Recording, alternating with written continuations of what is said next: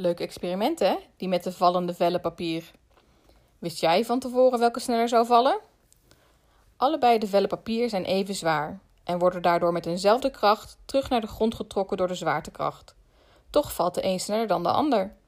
Dit komt door de luchtweerstand. Het horizontale vel krijgt meer weerstand van de lucht en daardoor dwarrelt deze naar beneden. Dit werkt ook zo bij een parachute. Die gaat open zodat er meer luchtweerstand is. Zo komt de parachutist gelukkig rustig naar de grond.